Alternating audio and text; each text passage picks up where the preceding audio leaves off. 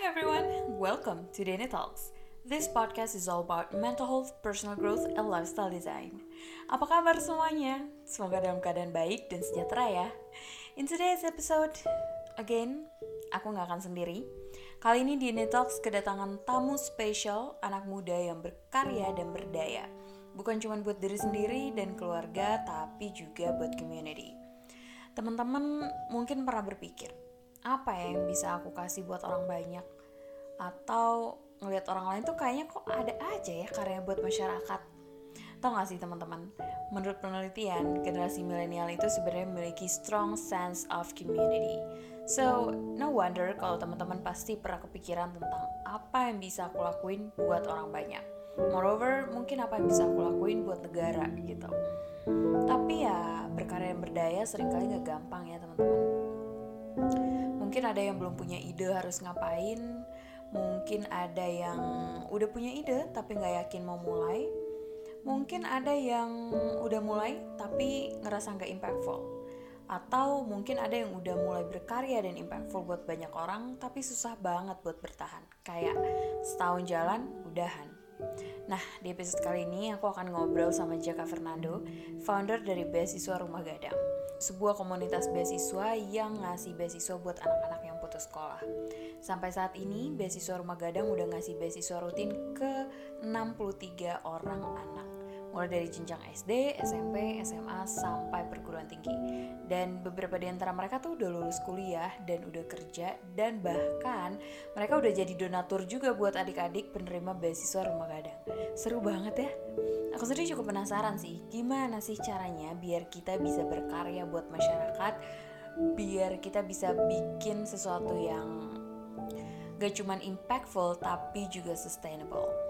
So, without any further ado, let's meet Jaka.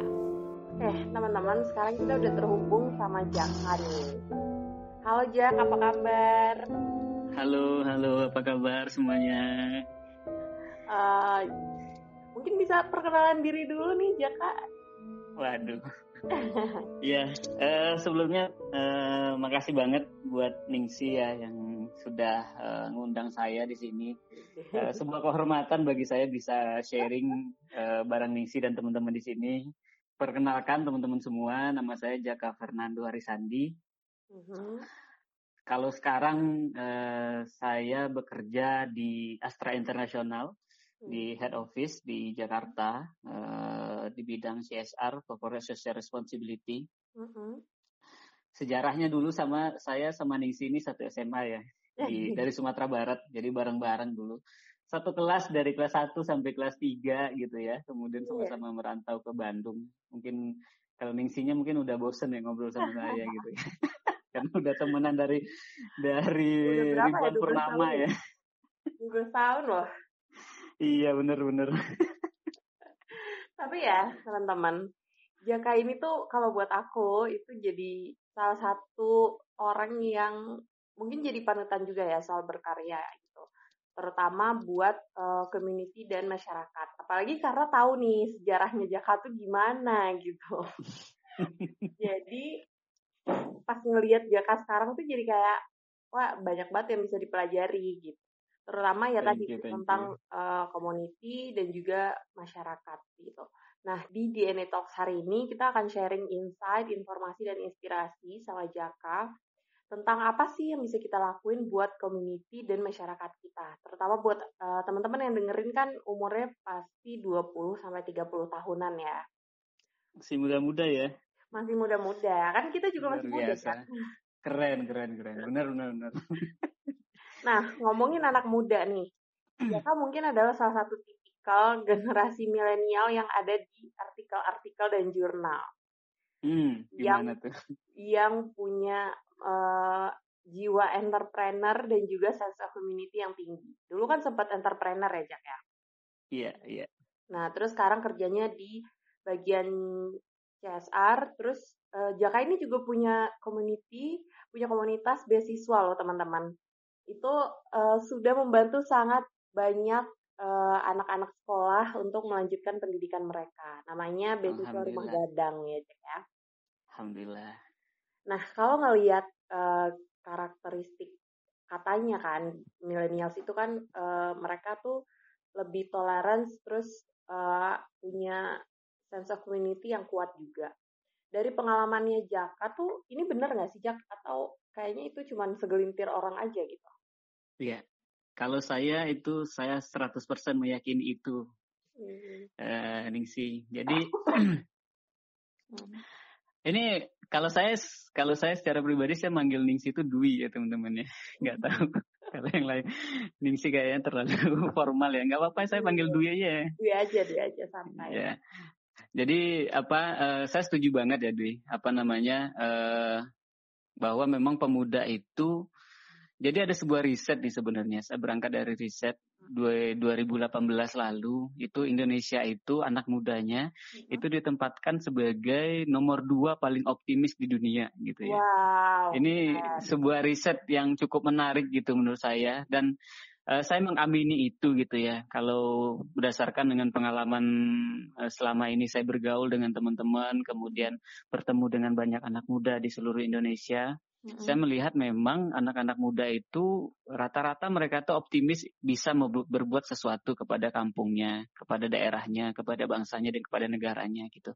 Terbukti dengan begitu banyaknya pergerakan-pergerakan positif, komunitas-komunitas yang uh, positif, kemudian juga apa namanya uh, aktivitas-aktivitas positif yang dilakukan oleh anak-anak muda di seluruh Indonesia gitu. Hmm. Dan balik lagi kalau secara spesifiknya misalnya kalau saya dari Sumatera Barat gitu ya, di kampung saya sendiri itu sangat banyak pergerakan-pergerakan komunitas-komunitas baik yang memang dilakukan dan dimotori oleh anak-anak muda ya, di. Hmm. Jadi saya yakin dan percaya itu adalah statement yang benar gitu ya. Hmm. Tidak hanya segelintir anak muda tapi cukup banyak anak muda.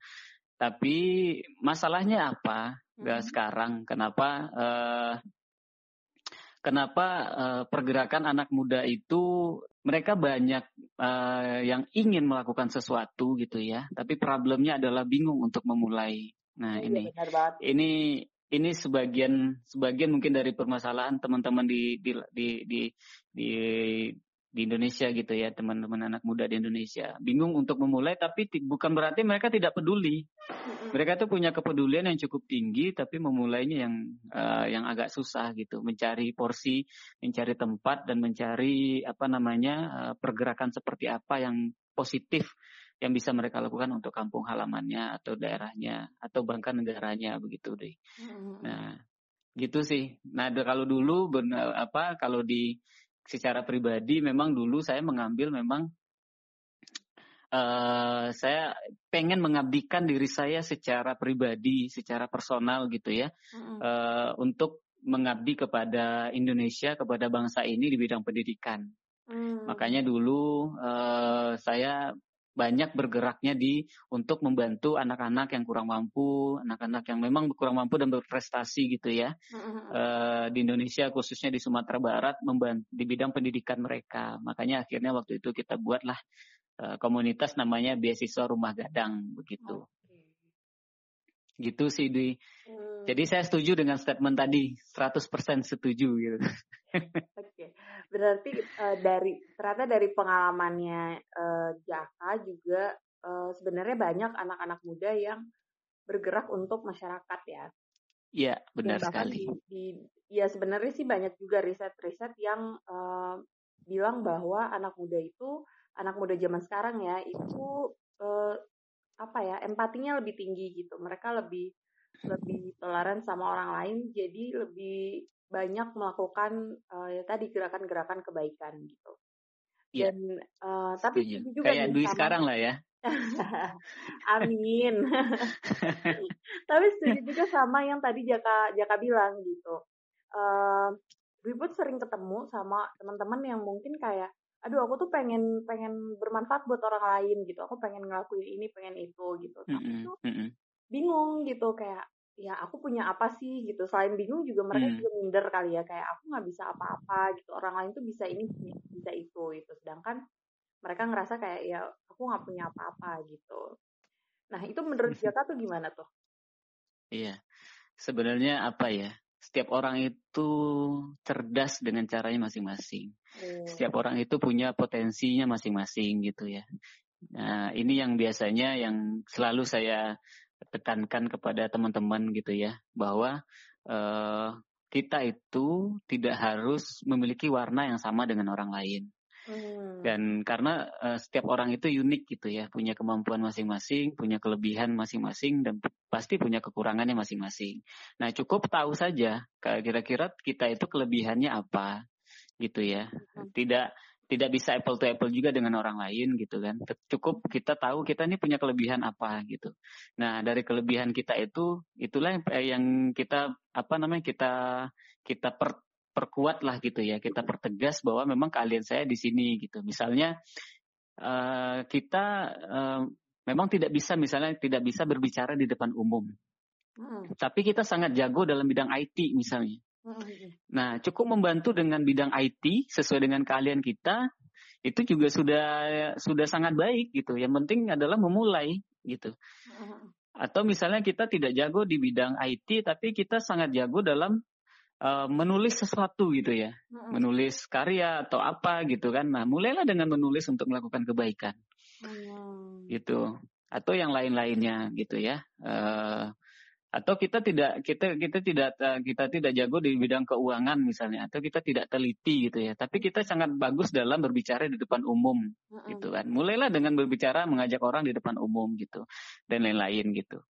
Nah jadi menurut saya adalah memang kalau dibandingin membandingkan diri kita dengan orang lain itu tidak akan ada habisnya. Mm-hmm. Menurut saya cukup kita mengenali diri kita sendiri, kelebihan kita apa, kekurangan kita apa, dan berbuatlah sesuai dengan apa yang bisa kita lakukan. Kalau kata Agim gitu ya, saya ngutip kata-katanya Agim, mm. mulailah dari hal-hal yang kecil gitu ya, mulailah dari hal-hal yang kecil, mulailah dari sen diri sendiri dan mulai saat ini juga gitu. Hmm. nggak usah terlalu banyak mikir terlalu banyak perencanaan gitu kan. Kalau memang itu sesuatu hal yang baik insya Allah akan berhasil menghasilkan sesuatu yang baik. Mulailah dari sekarang juga. Itu sih menurut saya Dwi. Ini ini menarik banget sih. Mulailah dari apa yang kita bisa ya. Uh, karena mungkin banyak yang kayak oh kayaknya kalau aku mau jadi uh, apa ngelakuin sesuatu buat masyarakat aku misalnya aku harus punya kemampuan leadership biar aku bisa bikin komunitas gitu kan. Padahal mungkin kayak tapi aku ngerasa aku nggak bisa uh, leadership gitu. Atau aku harus bisa ngomong di depan kamera supaya aku bisa jadi influencer gitu. Padahal nggak hmm. harus dengan cara yang seperti itu ya Jack ya. Iya benar benar. Uh, kita harus harus lihat uh, apa kita bisanya apa sih gitu. Nah ini mungkin yeah. nanti kita akan cerita juga ya. Tadi uh, Jaka udah sempat cerita tentang uh, ketertarikan Jaka di, Jaka di bidang pendidikan sampai akhirnya bikin komunitas beasiswa rumah gadang gitu. Nah ini kita bisa belajar juga dari pengalamannya Jaka sampai akhirnya bikin uh, apa namanya bikin komunitas ini. Maksudnya dari mungkin mengenali diri itu gimana sih caranya gitu yeah. biar lebih praktikal gitu loh Jak. Iya iya iya. Nah sebenarnya apa namanya? ini uh, beasiswa rumah gadang ini adalah sebuah ambisi sebenarnya. Gitu. Oh, Oke. Okay. Sebuah ambisi, sebuah misi hidup lah. Hmm. Jadi uh, panjang sebenarnya ceritanya Dwi. Uh, beasiswa rumah gadang ini terwujudnya dan bisa tetap sustain sampai sekarang gitu ya. Iya, itu keren banget sih. Sustainable itu yang banyak orang mungkin juga punya juga ya. Ini sudah lima tahun nih Dwi masuk tahun mau masuk tahun kelima ini pergerakan ini. Dan Dwi kan aktivis juga di di komunitas itu. Yeah. Kalau nggak ada Dwi nggak jalan juga nih biar komunitas ini. Dikit banget. Dwi Dwi ini dulu adalah apa mantan kepala divisi kesejahteraan anggota dulu. bertanggung jawab untuk kebahagiaan banyak, anggota. Lebih banyak teman-teman keren yang sampai sekarang masih masih sustain, masih berkarya gitu juga. Jadi apa namanya ceritanya dulu ini adalah uh, saya ini kan kalau bisa dibilang ya berasal dari keluarga yang kurang mampu juga lah uh, Dwi gitu ya. Mm -hmm. Jadi uh, memang dari SD uh, sekolahnya dapat uh, dari beasiswa gitu ya. Hmm. Kemudian SMP sekolahnya dari beasiswa juga gitu. Kemudian masuk cendekia dulu beasiswa juga gitu ya. Iya, iya, iya. Uh, kemudian kuliah juga saya beasiswa gitu ya. Keren. Jadi mungkin seumur hidup saya sekolah ini dari beasiswa gitu ya. Jaka ini F, FYI teman-teman, Jaka ini lulusan ITB, SPM ITB. Keren. Terus, alhamdulillah, alhamdulillah. Banyak kebaikan-kebaikan yang Tuhan berikan, Dwi. Alhamdulillah. Kepada hidup saya gitu. Dan menutup sekian banyak aib-aib kehidupan saya juga gitu ya. Kita buka nggak nih aibnya sekarang nih? Oh jangan, jangan. Okay, Jadi terus, terus dari, uh, dari dari pengalaman pribadi itulah uh, uh, ketika saya sudah selesai, menyelesaikan pendidikan saya di S1 gitu ya, kemudian masuk ke dunia kerja dan menghasilkan sesuatu gitu ya, menghasilkan sesuatu dalam untuk diri saya sendiri, untuk keluarga saya. Uh, pada saat itu ada sedih, ada terdi, ada kayak kosong kekosongan dalam diri gitu ya, dalam hati saya tuh kira-kira kenapa saya ada sesuatu pertanyaan besar dalam hidup saya waktu itu saya belum sadari gitu. Hmm. Sebenarnya saya belum sadari. Pertanyaan besarnya adalah uh, ketika saya sudah sampai di titik ini, saya, saya mer, apa bisa dibilang yang merdeka banget enggak, tapi lumayan lah begitu ya. Untuk kehidupan pribadi saya cukup, untuk kehidupan keluarga saya juga cukup gitu ya. Hmm. Tapi tapi kok saya nggak bahagia gitu. Nah ini pertanyaannya, pertanyaan besarnya adalah kenapa saya tidak bahagia gitu. Hmm, saya ya. sudah menda secara anak muda uh, apa secara kehidupan pribadi, secara anak muda saya bisa memenuhi kebutuhan saya, tapi kok saya nggak bahagia? Apa sih sebenarnya yang kurang gitu ya? Yang kurang dari hidup saya gitu ya. Nah, pertanyaan itulah yang selama beberapa saat itu menghantui saya tuh Dwi gitu. Hmm. Kira-kira apa sih uh, yang kurang gitu kan? Nah, akhirnya setelah sekian lama saya baru sadar bahwa saya itu kurang memberi gitu. Hmm. Saya itu kurang uh, memberikan manfaat untuk uh, masyarakat uh, di sekitar saya gitu. Padahal selama hidup saya, saya itu selalu dibantu oleh orang lain gitu. Hmm. Jadi kesuksesan saya sekarang adalah mungkin saya berpijak kepada pundak-pundak orang yang sudah membantu saya gitu. Hmm saya sampai di titik ini adalah bantuan dari mungkin ratusan atau ratusan orang yang sudah ber, berjasa di kehidupan saya di chapter-chapter sebelumnya begitu. Jadi itulah yang mendasari saya waktu itu ya sudah saya saya komit bahwa saya ingin me, apa, me, memberikan uh, sebagian dari gaji saya di waktu itu di kantor untuk uh, diberikan kepada anak-anak kurang mampu dan berprestasi di uh, Indonesia khususnya waktu itu di daerah saya gitu kan hmm. karena saya sadar bahwa kalau saya Uh, memulai itu mulailah dari hal-hal yang kecil dulu gitu ya, mulai dari hal yang terdekat gitu ya, mulai dari diri sendiri gitu. Kan tidak mungkin kita mengajak orang lain kalau kita sendiri tidak melakukannya gitu. Hmm. Nah waktu itu akhirnya mulailah di 2015 itu kebetulan saya start jadi profesional itu di 2015 hmm. di bulan September itu. Oh kalau startnya sih eh, kalau saya pribadi waktu itu mulainya di bulan Mei ya di bulan Mei hmm. uh, saya mulai kerja itu.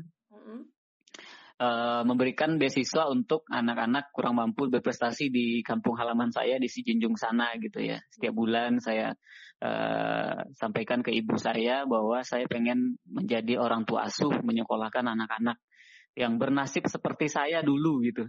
Yeah. Yang punya ke kemauan kuat untuk sekolah tapi uh, secara biaya secara kemampuan biaya mereka kurang gitu. Mm -hmm. Padahal mereka memiliki potensi untuk menjadi seseorang di masa depan gitu. Jangan sampai mereka putus sekolah hanya karena biaya sehingga suatu saat mereka tidak menjadi siapa-siapa di masyarakat. Iya, iya. Nah, akhirnya waktu itu saya berikanlah uh, saya niatkanlah gitu ya. Uh, tiap bulan saya berikan ke apa kepada ibu saya. Kemudian kebetulan ibu saya guru gitu ya. Kemudian memilih anak-anak muridnya yang memang membutuhkan gitu kan. Kemudian juga ada keluarga yang membutuhkan gitu. Uh, setiap bulan supaya mereka itu bisa tetap bersekolah gitu kan supaya mereka tidak perlu memikirkan lagi mereka besoknya uh, sekolah pakai apa. Mereka besok bulan depan bisa bayar SPP sekolah nggak gitu? Atau uh, paling nggak orang tuanya nggak mikirin lagi anak-anaknya bakal dikasih uang jajan uh, besok pakai apa gitu. Nah ini yang pengen saya bantu sebenarnya di waktu itu ya.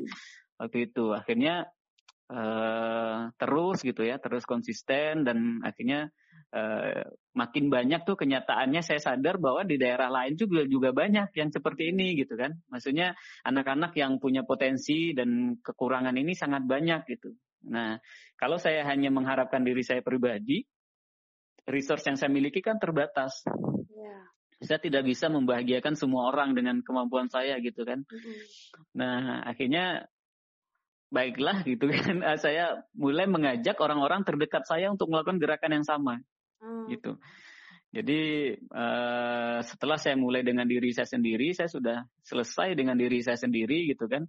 Uh, saya sudah buat permodelannya gitu kan. Bahwa saya mulai memberanikan mengajak orang-orang terdekat saya. Saya ajak sahabat-sahabat sahabat-sahabat terbaik saya, saya ajak sahabat-sahabat terdekat saya waktu itu gitu ya. Uh, salah satunya adalah yang menjadi istri saya sekarang gitu ya. Keren. Saling mendukung uh, awal ya mendukung dari awal deh benar memulai akhirnya kita memulai ini menjadi sebuah gerakan mas, masif lah menjadi sebuah komunitas yang lahir eh, kita declare lahirnya di 1 September eh, 2015 waktu itu. Hmm. Nah, mulai awalnya bertiga tuh saya, uh, Mayang yang jadi istri saya sekarang, kemudian sahabat baik saya Muhammad Rizky Ilahi, hmm. uh, kita mulai itu bertiga uh, start untuk keluar apa memperbesar apa manfaat dari program-program ini gitu. Hmm. Nah, alhamdulillah kita tetap konsisten sampai sekarang, Dwi tetap uh, berjalan sampai sekarang. Kalau di total siswa-siswanya itu sudah sekitar hampir 60-an yang kita bantu sampai sekarang, Dwi. Dengan apa cash flow yang kita salurkan itu bisa puluhan juta dalam uh, ya mungkin kalau di total-total sekarang mungkin sudah hampir uh, ratusan juta lah gitu yang kita salurkan tanpa terasa sih itu mengalir saja gitu ya. Uh, dan alhamdulillah kita tetap konsisten karena kita bergerak ini bukan bermaksud untuk apa-apa gitu ya. Benar-benar kita ingin membantu orang-orang gitu dan melihat mereka bahagia itu saja sudah cukup gitu. Hmm. Jadi penerima beasiswa kita ini sudah ada yang uh, menjadi dokter Dwi gitu, udah ada yang bekerja, udah ada yang menjadi donatur kembali untuk hmm. komunitas ini gitu ya, itu yang membahagiakan Dwi. Jadi balik lagi uh, gitu. balik lagi dia sudah dia merasa terbantu oleh program ini, kemudian dia ketika bekerja akhirnya saya bisa menciptakan jaka-jaka yang baru, Dwi. Iya benar. Alhamdulillah, saya bisa menciptakan eh, apa eh, teman-teman baru yang memiliki visi misi hidup yang sama dengan saya. Saya membayangkan kalau seandainya uh, sebagian besar penerima beasiswa saya ini nanti bisa beasiswa rumah gadang ini nanti menjadi orang gitu ya, menjadi orang yang sukses di masa depan dan mereka membantu dan memulai pergerakan yang sama. Saya akan membayangkan mungkin suatu saat tidak akan ada lagi anak-anak miskin dan berprestasi itu putus sekolah gitu. Iya, iya. Itu sih mimpinya dulu gitu ya. jadi dari lingkaran-lingkaran kecil akhirnya jadi besar juga gitu ya. Iya, benar begitu Dwi. Kan Dwi juga sudah Dwi kan juga salah satu ininya lah, apa namanya leluhurnya lah untuk komunitas ini. Dwi merasakan lah bagaimana saya iya, dulu iya, membujuk iya, iya. Dwi gitu ya, membujuk Dwi untuk ikut dalam pergerakan ini, akhirnya Dwi mau gitu kan. dulu ah, saya pengen ini juga. Dwi dulu kenapa pengen mau ikut dalam komunitas ini gitu ya? Kadang padahal Dwi kan tahu bahwa saya ini juga bukan orang yang baik-baik banget gitu ya. Baik-baik banget gimana tuh? Iya. Ya sebenarnya ya uh, kalau dulu ya throwback ke tahun berapa sih itu Jak? 2016 ya? 2016 ya. 2016 diajak sama Jaka gitu. Yang yang yang menarik adalah bukan bukan apa ya, bukan program-programnya atau langkah iya program-programnya menarik gitu atau maksudnya model ininya menarik model organisasi tapi kalau buat aku pribadi waktu itu yang jauh lebih menarik adalah uh, pertanyaan besar di balik gerakan ini gitu yang tadi Jaka bilang uh, di sini kita nggak nggak pengen cari apa-apa gitu. Tapi uh, ingin benar-benar ingin membantu orang-orang untuk bisa menempuh pendidikan gitu. Dan uh, kita nggak nggak pengen jadi yang besar sendiri gitu loh yang tadi Jaka bilang ya bahwa kalau misalnya ada orang yang kita bantu mereka juga akan melahirkan akan membantu orang-orang lain gitu. Jadi kebayangnya ini akan akan jadi masif dengan sendirinya sih gitu itu yang justru menarik waktu itu karena karena waktu itu kan baru baru mulai ya maksudnya belum iya. terlalu yeah. banyak kegiatan juga gitu jadi kalau yeah. diiming-iming kegiatan kayaknya enggak sih gitu tapi justru justru itu gitu dan mungkin nyambung juga sama bahasan kita tadi ya ternyata yang yeah. mendrive Jaka untuk bikin itu adalah sebuah pertanyaan besar di dalam hidup gitu ya. Benar, benar.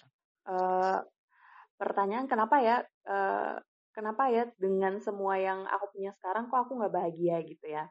Mm-mm. Ternyata ada ada hal lain yang uh, masih masih kosong nih gitu.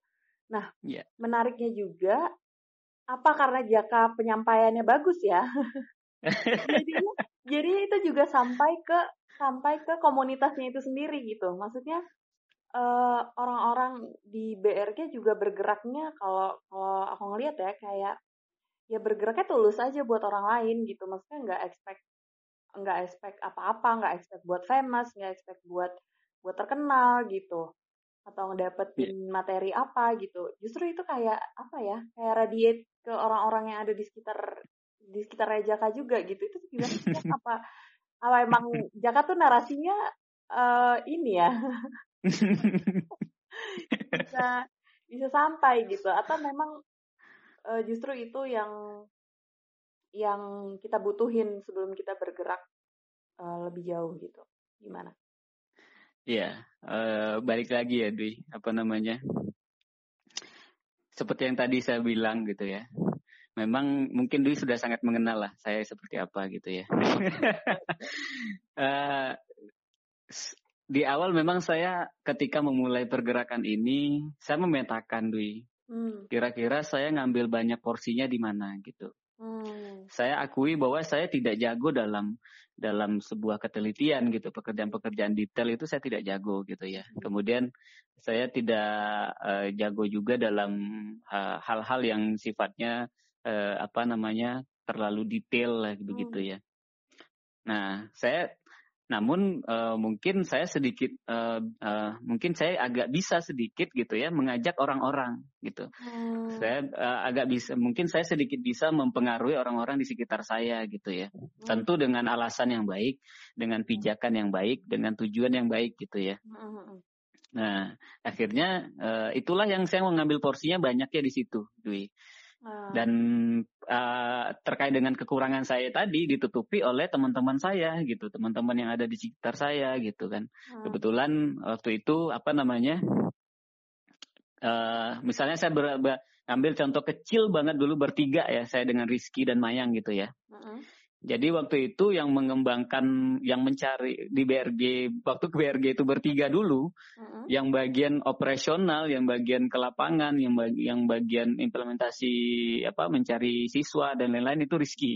Hmm. gitu yang bagian melobi orang-orang donatur masyarakat gitu ya uh, para donatur dan uh, apa namanya mencarikan uang lah untuk BRG ini itu saya gitu.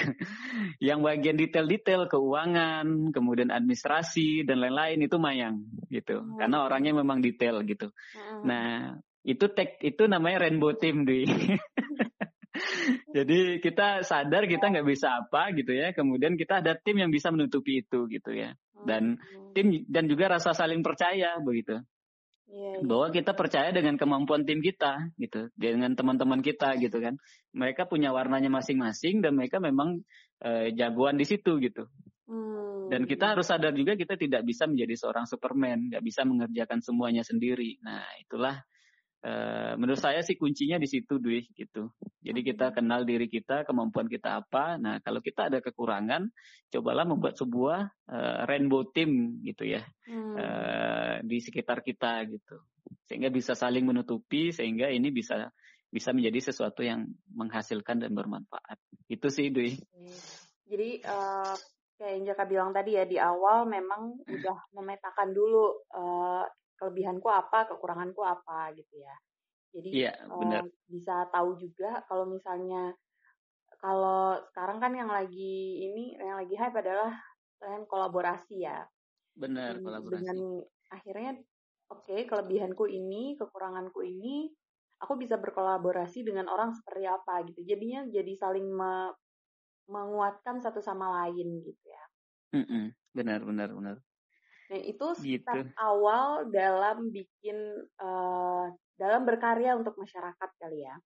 Iya, uh, iya. Yang pertama kita harus aware dulu sama diri kita sendiri, uh, kelebihan kita apa, kekurangan kita apa. Terus yang kedua kita harus punya uh, tadi ya pertanyaan besar yang mungkin akan jadi tujuan kita pribadi dan juga mungkin tujuan kita dalam bikin misalnya bikin komunitas atau bikin gerakan mm -hmm. gitu ya yang kayak mm -hmm. tadi uh, pengalamannya Jaka adalah oke okay, aku ingin memberi untuk uh, uh, orang lain gitu dan iya. berdasarkan yeah. pengalamannya Jaka itu uh, selama ini sering dapat uh, beasiswa gitu akhirnya mm -hmm. udah uh, dengan resource yang aku punya aku juga bisa untuk uh, beasiswa gitu ya Terus mm -hmm. yang ketiga adalah kolaborasi uh, mencari orang-orang yang mungkin bisa saling mendukung, yang bisa membentuk rainbow team tadi ya Jack ya, dengan iya. warna yeah. kita sendiri, tapi kalau udah digabung uh, indah juga gitu.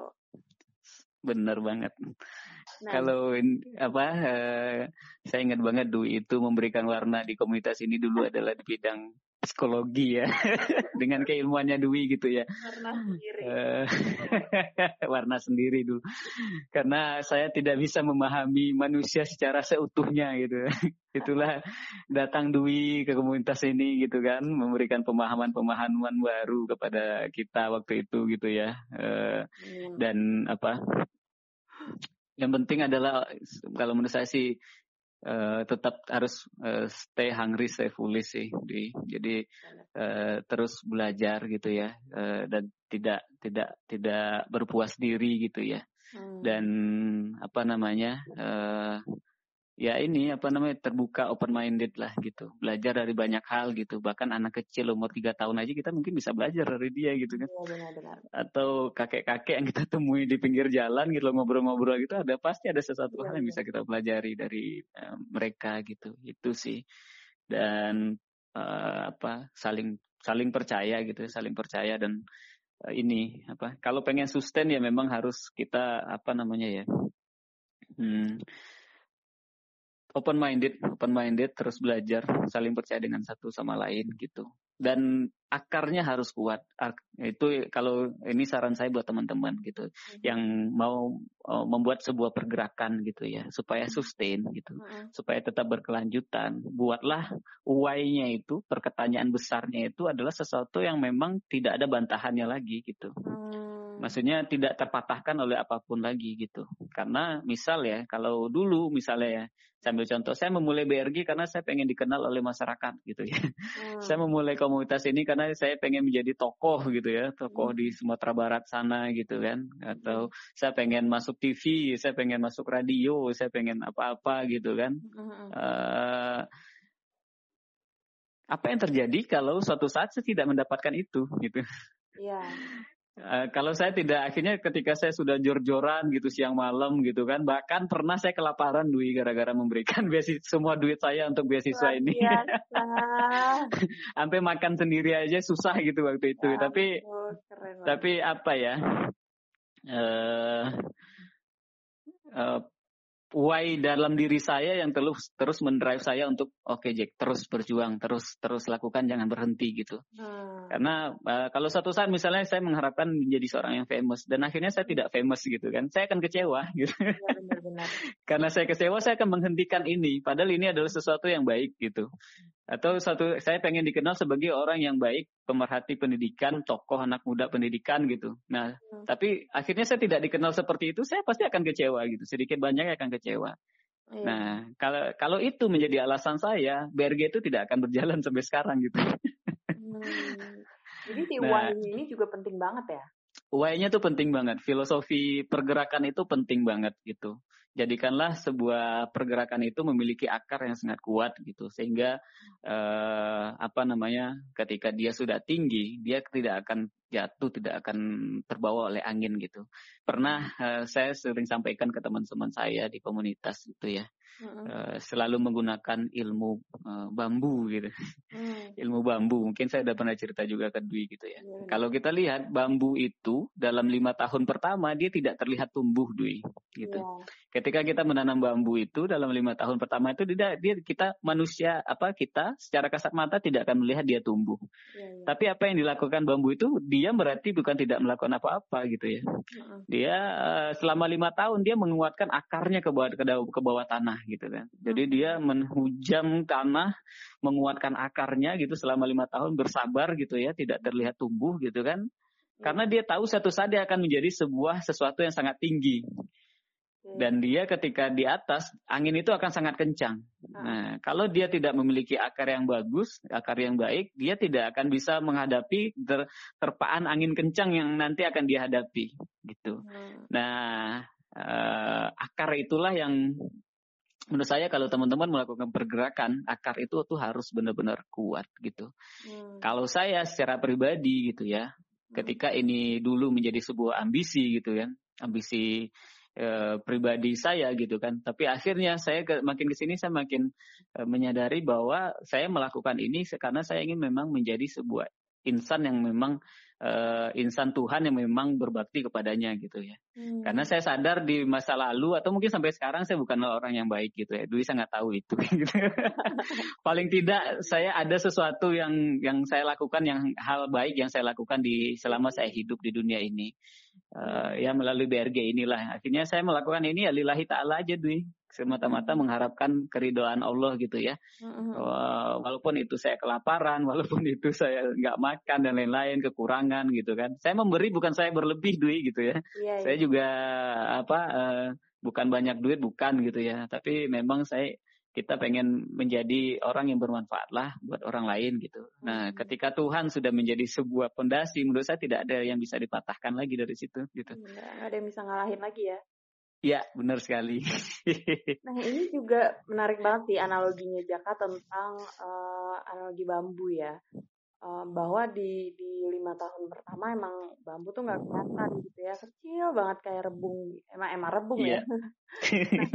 nah, uh, berarti nih uh, Jaka selama selama ini kan masih berarti kalau kita ngomongin bambu ya masih kecil gitu kan BRG mm -hmm. itu Mm-hmm, bener. Uh, dan Jaka juga sebenarnya di awal udah nemu sih uh, bahwa punya drive apa gitu. Tapi apakah mm-hmm. itu uh, memang dari awal tuh udah udah tahu dulu nih drive-nya udah mantap banget, drive-nya baru gerak atau ternyata setelah berjalannya waktu tuh makin lama makin kuat atau makin lama dari pengalaman tuh jadi ada perubahan-perubahan kecil apa gimana gitu? Iya. Yeah. Uh, kalau dari saya pribadi adalah uh, saya mulai memang dari drive uh, dari drive pribadi saya dulu gitu ya. Maksudnya uh, tadi yang saya bilang bahwa saya uh, merasa memiliki tanggung jawab uh, memberikan sesuatu kepada orang lain gitu ya, oh. berbuat baik pada orang lain karena orang lain sudah sangat membantu saya gitu. Dan menurut saya waktu itu itu juga tidak bisa dipatahkan oleh apa pun gitu. Hmm. Jadi bikin membuat drive itu memang dari awal memang sesuatu yang memang tidak bisa dipatahkan juga dari oleh apa pun gitu. Uh, nah, drive itu akan semakin kuat ketika kita konsisten gitu di hmm. konsisten melakukannya, kemudian akan ada drive yang lebih besar lagi yang akan menjadi eh, pondasi uh, kita gitu kan, hmm. pondasi kita. Yang sebelumnya memang sudah kuat, maka akan dikuatkan lagi. Ibaratnya dulu pondasi rumah itu uh, mungkin saat, apa kita membayangkan masjid gitu ya atau apa rumah gitu, pondasi tengahnya itu mungkin lebarnya cuma sekitar uh, apa 30 cm gitu ya diameternya gitu kan. Nah, dengan uh, rumah itu semakin tinggi butuh pondasi yang semakin kuat juga gitu ya. Yeah. Nah, makanya ada dibikinlah pondasinya menjadi mega diameter jadi satu meter, satu meter, kemudian dua meter gitu ya. Sehingga kita mau bikin gedung bertingkat setinggi apa pun itu bisa ditahan oleh pondasi itu gitu. Yeah, yeah, yeah. Jadi apa namanya? Itu sih menurut saya gitu ya. Dari awal memang kita tetap harus butuh drive yang memang uh, tidak bisa dipatahkan oleh hal-hal di luar kita gitu. Hmm. Okay. Gitu sih. Jadi jadi uh, untuk uh, tadi untuk memulai Jaka udah cerita ya uh, dan untuk sustain ternyata itu dasarnya adalah dari drive juga gitu. Mm -mm, bener. Nah, tadi kan Jaka bilang ya kalau untuk untuk sustain kita ya kita harus bergerak, tuh, maksudnya harus konsisten. Gitu. Gimana sih caranya untuk nggak uh, nggak apa ya nggak hilang-hilangan gitu, apalagi kalau yeah. misalnya mungkin nanti kan kayak yang Jaka bilang tadi ya pasti ada aja uh, mungkin hambatannya gitu atau seenggaknya posisi-posisi di mana kita ngerasa nggak nyaman selama perjalanan itu gitu. Mm-hmm. Cerita Jaka sampai nggak punya uang buat makan gitu. Mungkin ada ada nggak sih momen di mana uh, Jaka tuh pengen pengen udahan atau justru nggak ada sama sekali dan gimana tuh caranya biar biar tetap konsisten terus gitu? Iya. Yeah momen untuk udahan itu ada sih dulu dulu ya. Sempat ada gitu ya, tapi momennya. Tapi di titik itu saya berpikir lagi bahwa saya saya meyakini bahwa yang saya lakukan ini adalah sesuatu yang benar gitu. Hmm. Kemudian saya mencoba flashback ketika perjuangan ini baru dimulai dulu gitu kan. Mm-hmm. Betapa susahnya, betapa berdarah-darahnya ya kita memulai ini dulu gitu kan. Ketika mm-hmm. kita udah kita selesaikan uh, akan menjadi sebuah hanya menjadi sebuah kenangan gitu. Dan saya tidak ingin itu menjadi sebuah kenangan gitu ya. Uh, cukup itu menjadi sebuah pembelajaran gitu dan saya pengen BRG ini akan tetap hadir gitu. Saya balik hmm. lagi ke drive awal saya Dwi gitu ya. Hmm. Kenapa pertanyaannya kenapa dulu saya melakukan ini? Kenapa dulu saya memulai ini gitu ya? Kenapa dulu saya mengajak orang-orang untuk bergerak bersama gitu ya? Hmm. Uh, dan ketika saya balik lagi ke saya membayangkan ketika masa-masa uh, itu gitu ya. Saya menjadi semangat lagi gitu. Hmm. saya menjadi semangat lagi dan saya merasa ini belum cukup perjalanan ini masih sangat jauh gitu. Ombaknya masih akan cukup besar gitu. Hmm. Kalau di kita berlayar ini masih di pinggir-pinggir lah gitu ya. Masih hmm. belum sampai ke samudra yang jauh di sana yang mungkin ombaknya akan jauh lebih besar jauh gitu kan. Dan saya membayangkan memang dulu memulai ini itu sudah jauh 10 tahun ke depan dulu akan terjadi seperti apa gitu. Hmm. Jadi misinya memang saya targetkan dulu apa dulu 2015 itu nanti di 2025 nah, mimpinya adalah tidak ada lagi anak-anak di tempat di Sumatera Barat sana yang berhenti sekolah hanya karena biaya. Nah, itu mimpi hmm. besarnya dulu gitu.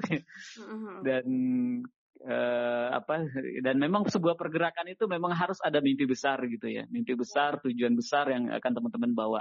Karena orang itu akan melihat seberapa besar mimpi yang dibawa oleh yang menyampaikannya gitu kan.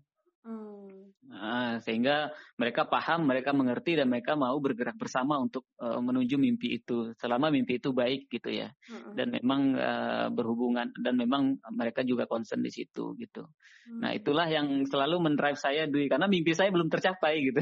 Yeah, yeah, yeah. mimpi saya belum tercapai. Jadi kalau ibaratnya uh, drive itu apa semangat drive itu adalah akarnya, kalau mimpi itulah ujungnya gitu ya. Yeah, yeah. Nah, tumbuhnya tuh belum sampai ke tumbuh banget gitu ujungnya belum sampai ketemu ujungnya gitu.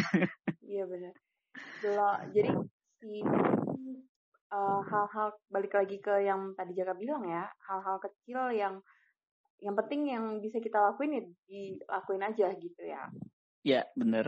Dan ditambah lagi dengan tadi ada ada sekarang kan udah jadi satu komunitas besar, jadi bukan cuman Jaka doang yang berjuang gitu, tapi juga banyak teman-teman lain yang juga berjuang bersama gitu. Jadi yeah kalau udah iya. mulai yeah. mungkin semangatnya udah turun bisa lihat kiri kanan lagi gitu ya iya yeah, benar benar ini apa teman-teman ini bahkan mungkin lebih Spartan dari saya, Dwi.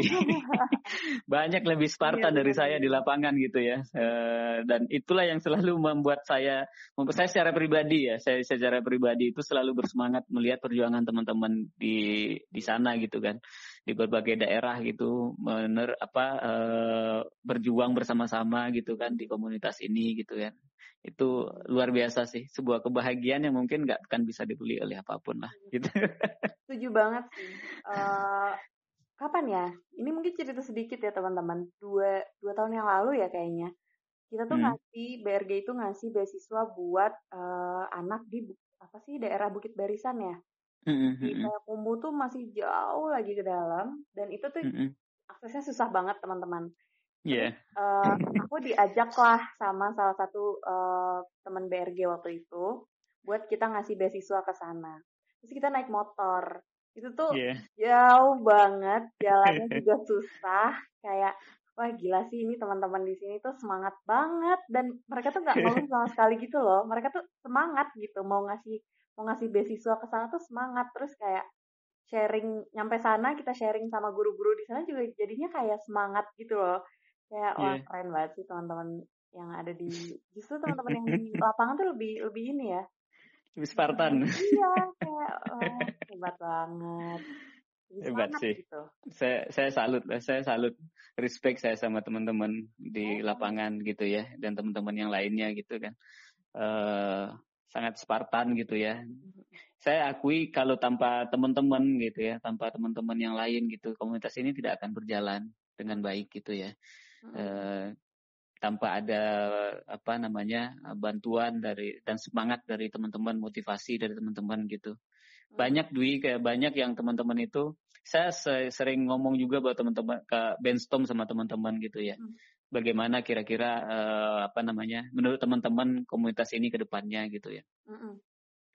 Dan teman-teman itu yang banyak menyemangati Dwi gitu ya Hmm. eh salah satu yang apa namanya drive terbesar saya terus apa namanya eh, men- apa eh, membuat ini tetap konsisten sampai sekarang adalah teman-teman gitu ya teman-teman di di, di apa di mana pun mereka berada itu selalu menjadi penyemangat juga buat saya gitu ya Hmm.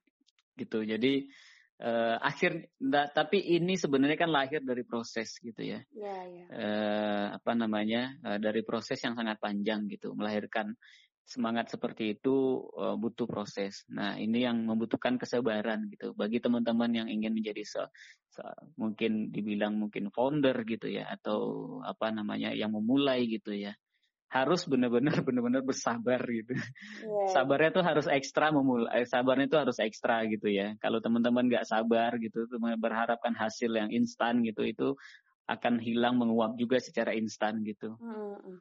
Kalau kata orang Jepang itu istilahnya ilmu yang didapatkan dengan susah payah akan nempel di kepala itu juga lama sangat lama gitu kan. Beda dengan ilmu yang didapat dengan mudah, maka dia akan hilang juga dengan mudah gitu. Hmm. Ini eh udah udah ini banget ya, yang tadi dijelasin. Jaka tuh udah lengkap banget sih untuk starter pack untuk teman-teman mulai melakukan sesuatu untuk komunitas gitu. Karena yakin banget banyak di antara teman-teman yang sebenarnya pengen gitu eh, untuk ngelakuin sesuatu gitu, tapi balik lagi ya tadi ya kayak eh, ngerasa nggak bisa, ngerasa ngerasa minder gitu, ngerasa nggak tahu apa yang harus dilakuin gitu sebenarnya balik lagi ke diri kita sendiri ya Jack ya kita kita Iya, benar. uh, drive-nya apa gitu terus uh, kelebihan kekurangan kita apa gitu dan yang paling penting juga tadi menemukan orang-orang yang memang uh, bisa saling mengisi gitu Uh, dari mm-mm. ceritanya Jaka kan uh, BRG juga besar karena teman-teman yang juga semangat gitu teman-teman yang justru Mm-mm. lebih semangat malah ya Jack Mm-mm. bisa berbagi gitu Iya. dan eh, kayaknya juga kita semua nggak harus mungkin nggak harus jadi eh, ini ya nggak harus jadi founder nggak harus jadi Iya, ininya gitu tapi ngelihat benar. misalnya di BRG gitu banyak juga teman-teman yang yang dengan caranya sendiri mengisi Mm-mm. BRG Benar. Benar, benar. nggak harus benar. semuanya jadi kalau semuanya jadi founder ya terus kita kerjasamanya gimana ya Jack Iya. siapa yang mau Iya. saling bantu gitu Benar, benar, benar. jadi mungkin balikin lagi gitu ya kita eh, porsinya di mana gitu Eh, Iya. Eh, kalau yang tadi Jaka bilang tuh ya dipetakan dulu lah kita porsinya di mana dan bisa saling isi tuh di mana. Iya. Benar, benar, benar. Udah udah starter pack banget sih nih Jaka. kalau yang yang dengerin ini habis ini masih ragu-ragu bahaya banget sih. Nggak tahu deh mau cari bisa apa ini gitu. bisa konsultasi sama Dwi lah nanti ya. Enggak loh kalau soal gini-gini tuh emang Jaka tuh tempat belajar tahu. Aduh, saya udah masih terbukti, udah terbukti. Saya masih juga, kan? masih banyak belajar Dwi, masih belum apa-apa. Iya. Kita masih melakukan hal-hal kecil lah ini. Nanti ya inilah masih banyak belajar Panjang. lah gitu. Masih cukup panjang perjalanannya. tapi tapi ya itu sih eh Jak maksudnya mm, udah ud- BRG udah sustain udah jalan lima tahun ya kan ini tuh udah mau masuk TK nih kalau anak kecil kan Mm-mm, mm-mm. jalan lima tahun itu juga proses yang mudah gitu Eh, dan ya udah banyak banget yang bisa bisa dipelajari ya Jak ya Iya, iya. Saya saya sebenarnya yang banyak belajar dari komunitas ini, Dwi.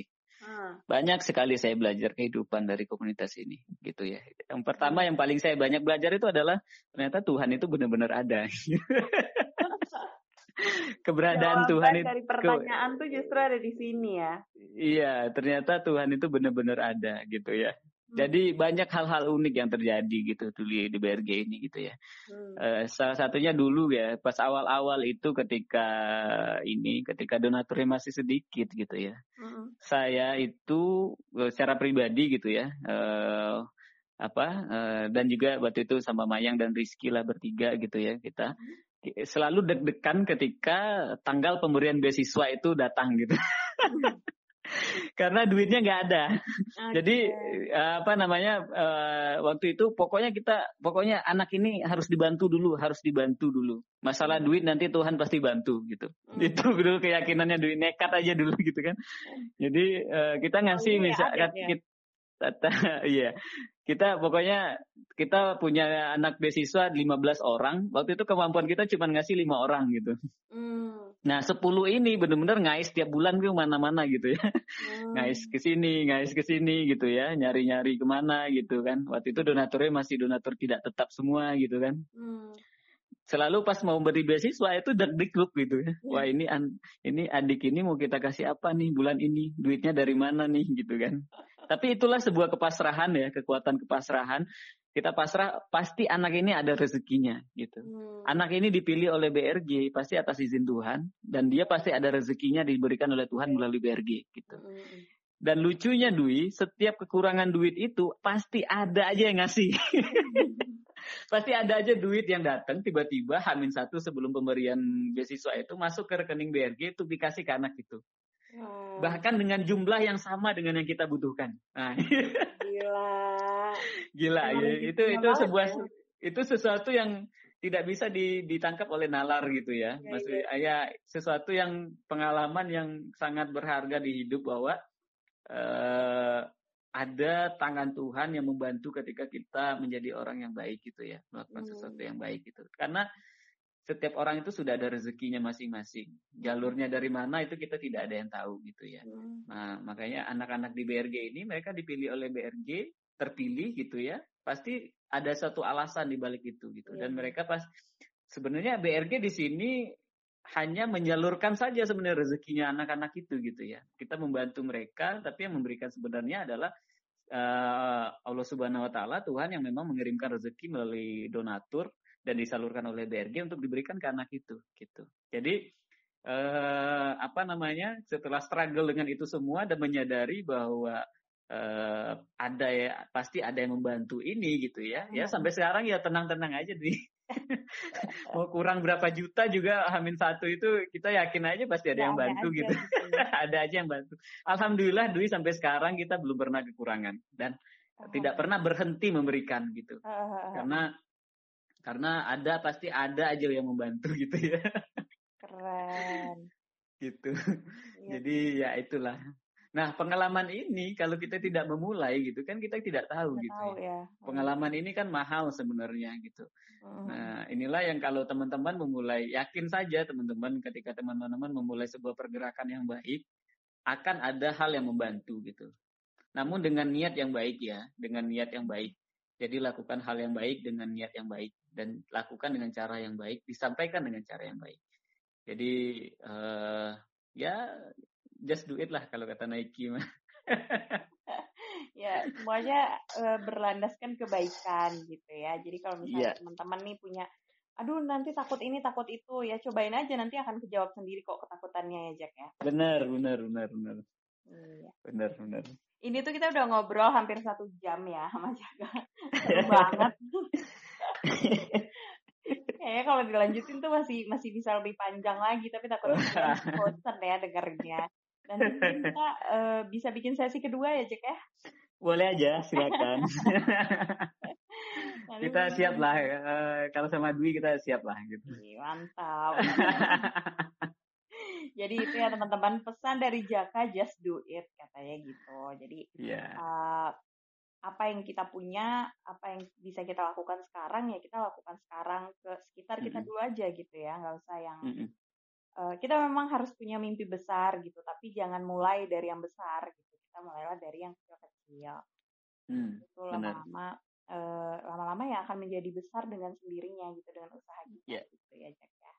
Nikmati prosesnya. Nikmati prosesnya dan Iya. dan kayaknya tuh banyak-banyak apa ya banyak pelajaran pelajaran mengejutkan justru ya di di sepanjang jalan gitu ya. Iya, benar, benar, benar. Oke, Ini namanya sekolah hidup, Dwi. Sekolah hidup of life. sekolah kehidupan. Benar-benar nggak bisa didapat di sekolah mana pun ya. Iya, bisa jadi ya. Jadi emang harus dilakukan teman-teman buat yang udah punya niat ya lakukanlah gitu ya. Iya, iya, benar, benar. Nih, Benar. nih. Nah, mungkin eh, obrolannya mungkin sampai di sini dulu ya teman-teman. Eh, emang seru banget ya ngobrol ngobrolin soal kayak gini-gini tuh menarik banget gitu. Apalagi eh, pengalamannya Jaka juga menarik banget gitu ya. Mungkin nanti eh, kita akan bikin sesi kedua mungkin nanti ya, nggak tahu. Boleh, boleh, silakan, silakan. Tergantung nih animo masyarakat gimana nih teman-teman. Kalau kalian demand mau bikin series kedua, nanti aku ini Jaka deh. Monggo, monggo, monggo. Kita siap lah pokoknya. Iya. Terima kasih banyak ya Jack atas sharingannya. Sama-sama, Dwi. Terima kasih. Saya yang merasa terhormat nih diundang sama Dwi. Inspirasinya buat kita semua. Semoga kita bareng-bareng bisa bisa melakukan lebih banyak kebaikan. Amin. bersama-sama ya. Eh, Amin, juga amin. buat BRG. Semoga donaturnya Amin. lancar. Amin. dan eh, kita bisa masih bisa lihat BRG mungkin 10 20 tahun ke depan Amin. ya. Amin, amin. Mungkin saja nanti anak Dwi yang menjadi penerus ini gitu. Ya benar juga. Atau generasi setelah kita yang akan terus melanjutkan ini gitu ya, ya. Ini dong anaknya Jaka dong, Jaka senior dong yang udah pasti mah. Aduh. amin, amin, amin. Insya Allah. Oke, teman-teman kalau teman-teman tertarik mungkin ada yang mau ditanyain ke Jaka atau pengen sharing-sharing bisa ini di mana Jak? Ya, mungkin. Instagram boleh, Instagram Apa? eh, Instagram saya jaka.fernando gitu ya. Jaka. Kalau apa? Kalau YouTube channel ya, tapi YouTube channel saya Iya, banyaknya isinya tuh ini loh teman-teman, artis YouTube loh. Lagi waduh, belum Dwi, belum belum inilah, habis bikin belum. video klip. Masih belajar-belajar Dwi, biar kayak Iya. anak kekinian gitu. Jangan lupa ya guys ditonton dan di subscribe. Iya, iya. Jaka, Jaka, Jaka, Jaka Fernando official, Jaka Fernando official. Jaka Fernando official ya. Iya. gitu. Jadi Monggo, monggo semua bisa semoga bisa dinikmati lah gitu ya. amin. menghibur kok, menghibur di tengah pandemi. Semoga bisa menghibur di tengah pandemi seperti ini. Yang penting tetap produktif ya, tetap produktif dan positif gitu ya. Iya, yang penting itu ya produktif dan positif gitu. Iya, benar-benar. Kalau gitu sampai ketemu di episode berikutnya ya teman-teman. Terima kasih Jaka dan bye. Sama-sama. Sama-sama, thank you, thank you.